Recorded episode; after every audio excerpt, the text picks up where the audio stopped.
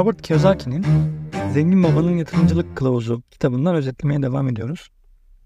İkinci aşama içinde biraz daha teknik bilgiler ve grafikler paylaşıyor. Temel yatırım, teknik yatırım, FK, gelecek FK, sıradan olan yatırımcı ile sıradan olmayan yatırımcı arasındaki farklar gibi konulara değiniyor. Zengin olmanın bedeli ne? Başlıklı bir bölümü var kitapta. Zengin biriyle evlenerek zengin olabilirsiniz. Ama ödemeniz gereken bir bedel var bu durumda. Belki de istemediğiniz biriyle hayatınızı süreceksiniz diyor. Bu çok onayladığı bir zengin olma yolu değil. Dolandırıcılık yaparak zengin olabilirsiniz. Bu da sizin özgürlüğünüzün elinizden alınma riskini taşıdığı için zaten zengin olma amacımız ve özgürlüğümüzü kazanmak bu çok büyük bir risk. O yüzden tercih etmem diyor zengin baba. Dolandırıcılık yaparak zengin olmak tavsiye etmediği zengin olma yolu. Miras yoluyla zengin olunabilir diyor. Burada da dezavantajlar var.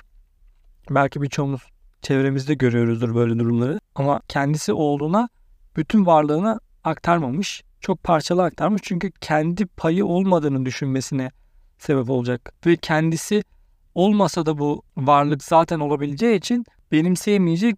Bu onun hayatında probleme sebep olacak diye düşünüp çok az bir pay vermiş ona. Kendisinin yapmasını devam ettirmesini istemiş. Piyangodan zengin olunabilir. Burada da yine dezavantajlar var. Bedeller var ödemeniz gereken. Zengin olduktan sonra yine eski haline dönen birçok piyango zengini biliyoruz. Haberlerde falan da görüyoruzdu. Piyangodan milyonda bir ihtimalle zengin olma fikrine de sıcak bakmıyor maalesef zengin baba.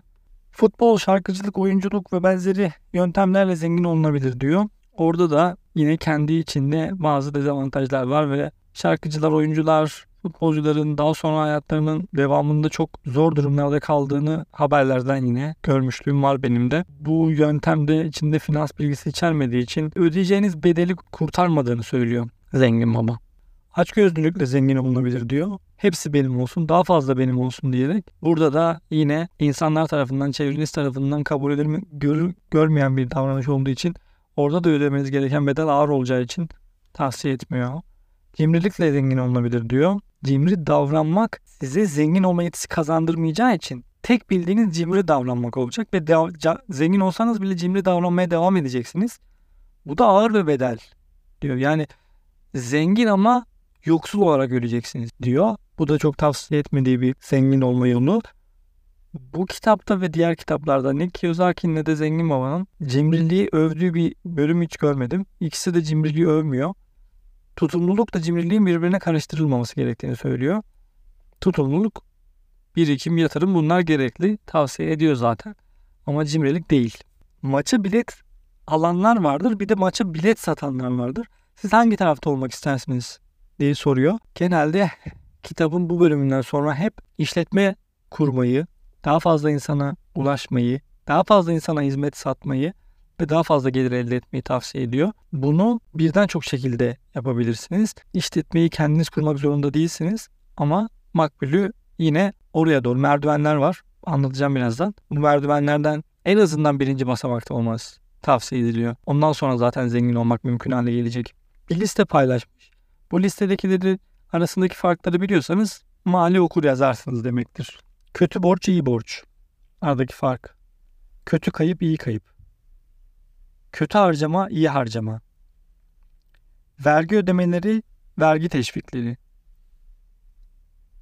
Çalıştığın şirketler, sahip olduğun şirketler.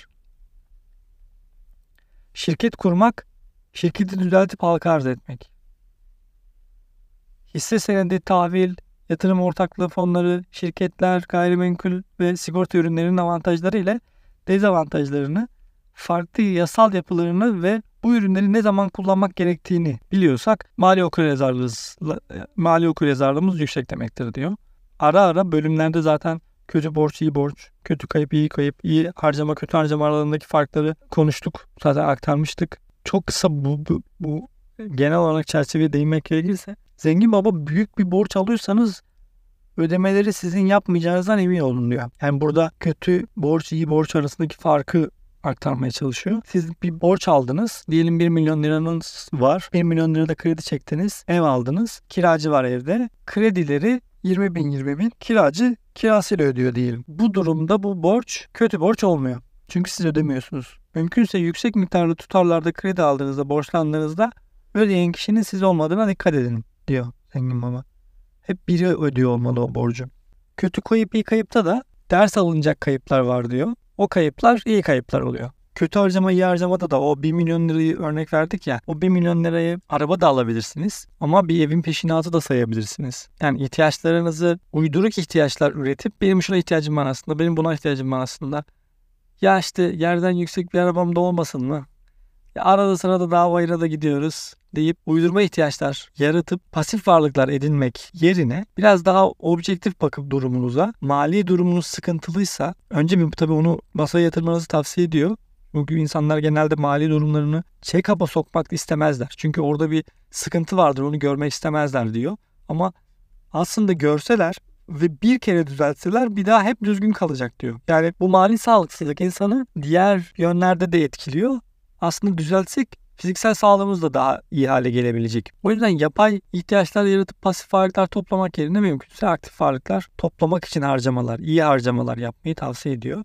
Burada vergi konularıyla ilgili teşvikleri ve vergi ödemelerini iyi bilmek lazım. Hem ödemeniz gereken vergiyi ödemediğiniz için problem yaşayabilirsiniz. Hem e zaten vergiden düşebileceğiniz kalemleriniz var belki. Belki belki besiniz var. Özel sağlık sigortanız var. Belki çocuğunuzun eğitim harcamaları var. Bu harcamalar vergiden düşülebiliyor. Ama bunları bilmediğinizde belki de çok küçük bir miktar beyanda bulunarak kurtulabileceğiniz bir durumdan kendinizi ceza ile çıkmak zorunda bırakabilirsiniz. Bunları da dikkat edip bilmek lazım, araştırmak lazım. Finansal anlamda okul yazarlığımızı arttırmak zorundayız gibi geliyor bana. Sıradan yatırımcının bildiği şeyler de listelenmiş burada. Onlara biraz değineyim. Burada kendi payımıza bir şeyler çıkartabiliriz. Çabalayıp bir an önce kurtulmaya çalıştığımız kötü borçlarımız vardır diyor. Bu sıradan yatırımcıyı tarif ediyor şu an. Para kaybetmenin kötü olduğunu düşünmemize yol açan kötü kayıplarımız vardır. Fatura ödemekten nefret etmemize yol açan kötü harcamalarımız vardır. Adil olmadığını savunduğunuz vergi sistemi vardır diyor. İş güvencesini ve merdivene sahip olmak yerine merdiveni tırmanmayı tercih ederiz diyor. Bunu biliriz diyor. Sahip oldukları şirketlerin hisselerini satmak yerine dışarıdan yatırım yapmayı ve bir şirketin hisselerini satın almayı tercih ederiz diyor sıradan yatırımcı olarak. Yatırım ortaklığı fonları ya da dev şirketlerin hisselerini para yatırmayı tercih ederiz diyor. Bu sıradan yatırımcının davranış tipiymiş ki birçok yerde bu övülür. Yani birçok yatırımcıya şu an bu o maddede okuduğum şey söyleniyor. Bunu yapmam yapmamız söyleniyor. Yani çünkü sıradan yatırımcılıktan çıkmak tavsiye ediliyor kitabın ikinci bölümünde mümkünse. Sıradan yatırımcı olarak evet şirketlerin hisse senetlerine yatırım yapabilirsiniz. Yatırım ortaklığı fonları alabilirsiniz. Ama makbul olan sıfırdan yoktan bir aktif varlığı var etmek ve onu değerli hale getirip satmaktır diyor. Bir şirket kurup daha çok kişiye hizmet edersek, hizmet ettiğimiz kişi sayısı arttıkça elde ettiğimiz gelir de artacak. Daha fazla kişiye ulaştığımızda daha fazla gelir elde edecek şirket. Böylelikle daha büyük değer yaratan bir aktif varlığımız olacak ve biz bunu sattığımızda daha fazla gelir elde edeceğiz. Yani hisse alan değil hisse satan tarafa geçin diyor. Tavsiyesi bu. Biraz 90-10 kuralına değinmiş bu bölümlerde. Neydi 90-10 kuralı? Toplam varlığın %90'ı aslında %10'luk bir kesimin elinde. Toplam varlığın %10'u da %90'lık büyük bir kesimin elinde kalıyor. Bu kural genelde dünyanın genelinde geçerlidir diyor. 26 Kiyosaki bir derste 26 yaşında bir öğrencinin planını soruyor, yatırım planını soruyor.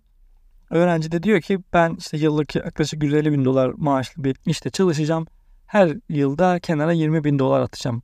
Bunu planlıyorum diyor. Kiyosaki de görüşünü soruyor çocuk. Bu plan iyi bir plan mı sence diyor.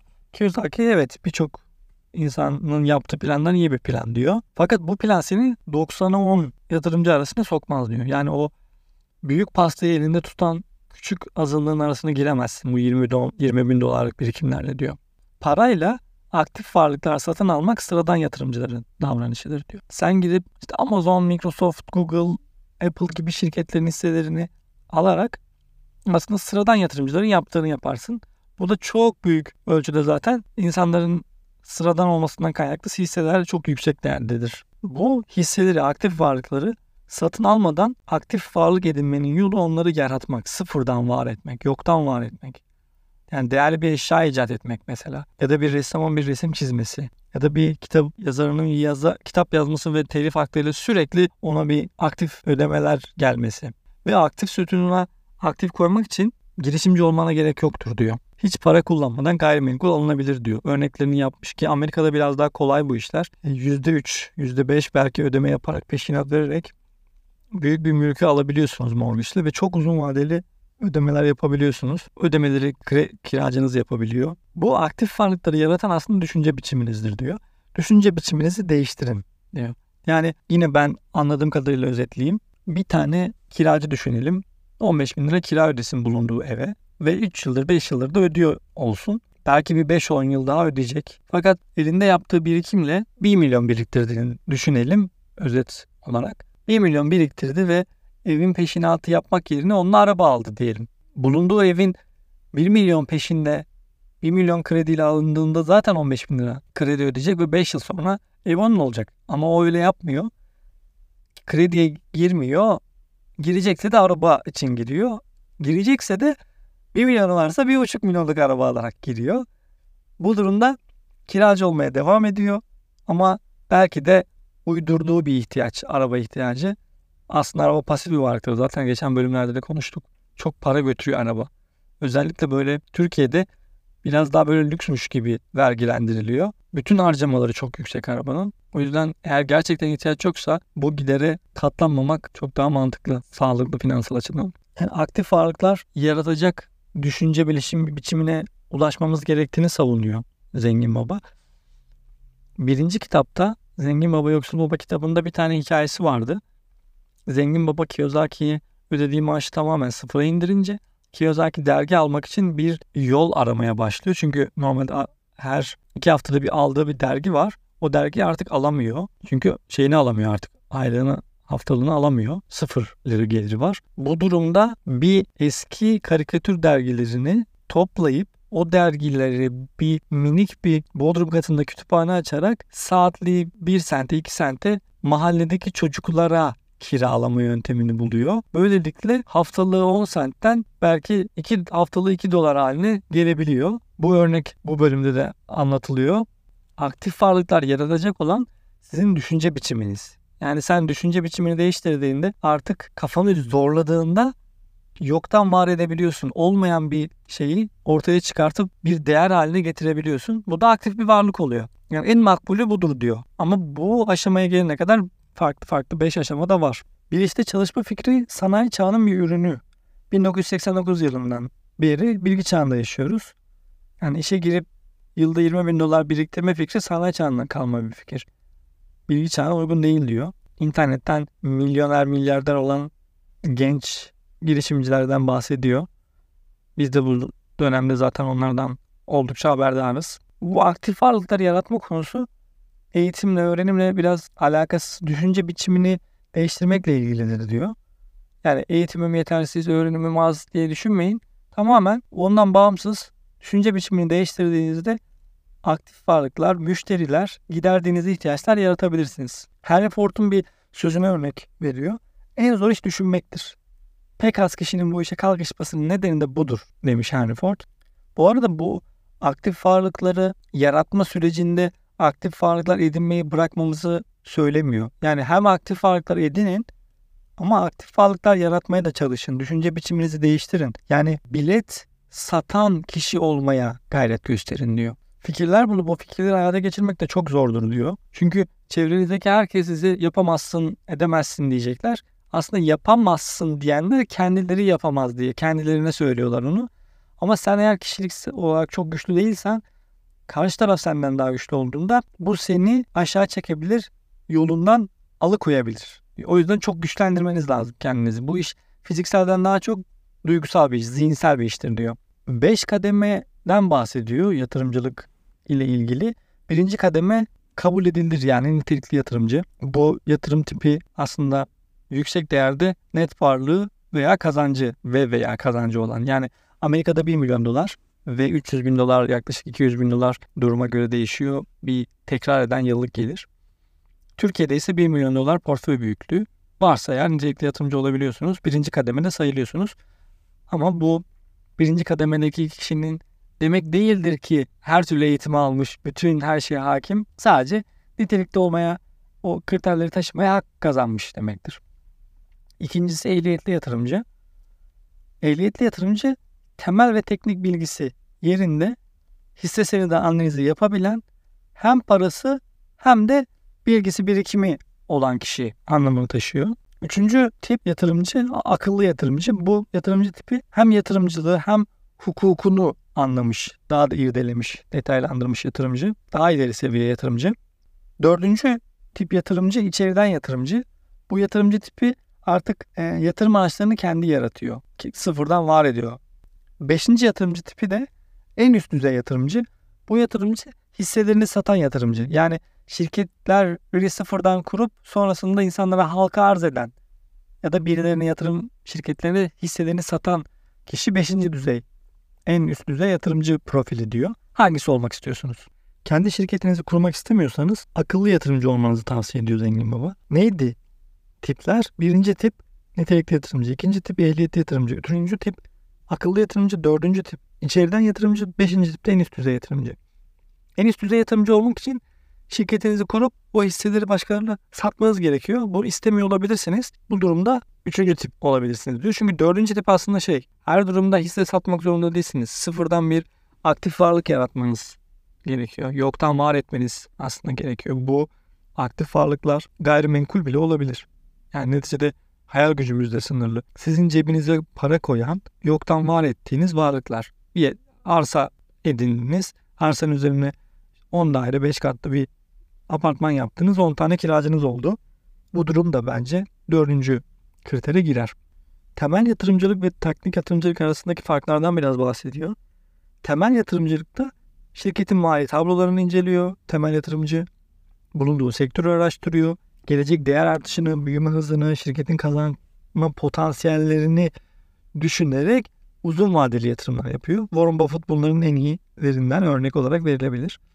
Teknik yatırımcı da bu tarz böyle uzun vadeli şeylere pek bakmıyor ama işte piyasanın nabzına göre sigortalı şekilde yatırımlar yapıyor. Kısa süreli belki günlük bile trade edebiliyor. Şirketlerin faaliyetlerine pek ilgi duymuyor ama finansal hareketler onun için çok önemli. Bu iki bilgi e, konuda da bilgi sahibi olmamız gerektiğini tavsiye ediyor. Yani hem ben temel yatırımcılığı bileceğim ama teknik yatırımla işim olmaz dememek gerekiyormuş. Teknik yatırımı da öğrenmemiz gerektiğini söylüyor. Teknik yatırımı bildiğimizde çünkü şey fırsatı doğuyormuş. Açığa satış öğrendiğin için borsa düşerken de para kazanma şansın var. Çünkü sadece teknik yatırımcı o dönemlerde para kazanabilecek bilgiye sahip. Çünkü sen elbette teknik yatırım bilgisi yeterli değil. Temel yatırım da gerekli ama borsanın düşeceğini tahmin ediyorsan açığa satış kullanarak o düşüşlerden de gelir elde edebiliyorsun.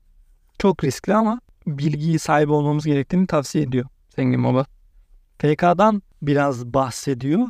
Fiyat kazanç oranı Türkiye'de de çok popüler. Bir şirketin hisse değeri diyelim ki 100 dolar. Hisse başına kârı da 10 dolar. Bu hisse değerini hisse başına kâra böldüğümüzde 10 çıkıyor. Yani 10 yıl geri dönüş süresi aslında.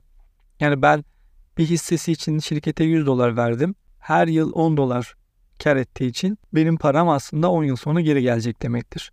Bu FK bunu ifade ediyor. Tabi te- e, temel yatırımcıda önemli olan bugünkü FK değil gelecekte olma ihtimali olan FK. Bu FK'yı hesaplamak kıymetli aslında temel yatırımcı için diyor. Buralarda teknik bilgiler de paylaşıyor. Grafikler ve çizimleri var. Kitabı alıp okursanız oralarda podcast'te ya da videoda anlatamayacağım çizimler paylaşmış. O çizimleri görüp aşina olmak çok faydalı olabilir. En azından bu terimlerin hesaplanma şekillerinin biraz artık matematiksel formüller falan da vermeye başladı. Kitap alıp okumanızda fayda var bu konularla ilgili bilgi sahibi olmak istiyorsanız. Aynı sektördeki başka şirketleri karşılaştırmaktan da bahsediyor. Bu da temel analizin bir bir parçası aslında. Temel analiz yaparken sektörleri de araştırıyorsunuz. O sektördeki FK'lar gelecek FK ihtimalini bulmanızı sağlıyor. Tabii çok fazla detay ihtiyacı var. Bununla ilgili eğitim videoları falan da görmüştüm ben YouTube'da. Gelecek FK'nın hesaplanması konusunda. Oralardan da ek eğitimler alınabilir. Finansal konularda kendimizi geliştirmemiz çok gerekli bence. Özellikle Türkiye'de yaşayan biri için. Yani dört tarafı denizlerle çevrili bir adada yüzme bilmeden yaşamaya çalışmaya benziyor finans bilmemek. Türkiye'de tekrar eden, kendini tekrar eden böyle 10 yıllık sarmallar, döngüler var gö- gözlemlediğim kadarıyla. Bu döngülerde birileri çok mağdur olurken birileri zengin oluyor. Rakamlar böyle söylüyor. Yani her bu döngü sonrasında zenginler daha fazla arttırmışlar zenginliklerini. Buralarda zengin olmak için değil en azından mağduriyet yaratmamak için finansal bilgimizi arttırmak zorundayız gibi geliyor. En azından akıllı yatırımcı seviyesine ulaşmak zorundayız. Kendi şirketimizi, kendi girişimimizi kurmak zorunda değilsek de bence kesinlikle olması gereken akıllı yatırımcı, o üçüncü basamaktaki yatırımcı profiline ulaşmak. 60 ila 100 kitap sonrasında da bu basamağa ulaşılabildiğini duydum, öğrendim, dinledim. Bakalım umarım 100 kitaba ulaşmadan o seviyeye ben de ulaşmış olurum. Dinlediğiniz için teşekkür ederim. Bir sonraki bölümde yine bu kitabın özetinden devam ediyor olacağız.